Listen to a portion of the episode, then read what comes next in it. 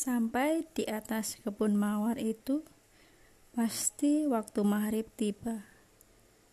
Suara adzan mengantarkan kami lepas dari pedesaan, menuju remang, kemudian gelap, menembus kabut dan dingin malam.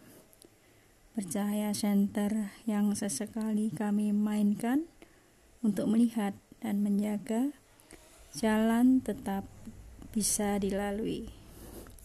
Semakin pekat dan dingin dalam rimbun hutan malam, berteman suara alam dan sesekali bintang yang muncul di atas menemani perjalanan.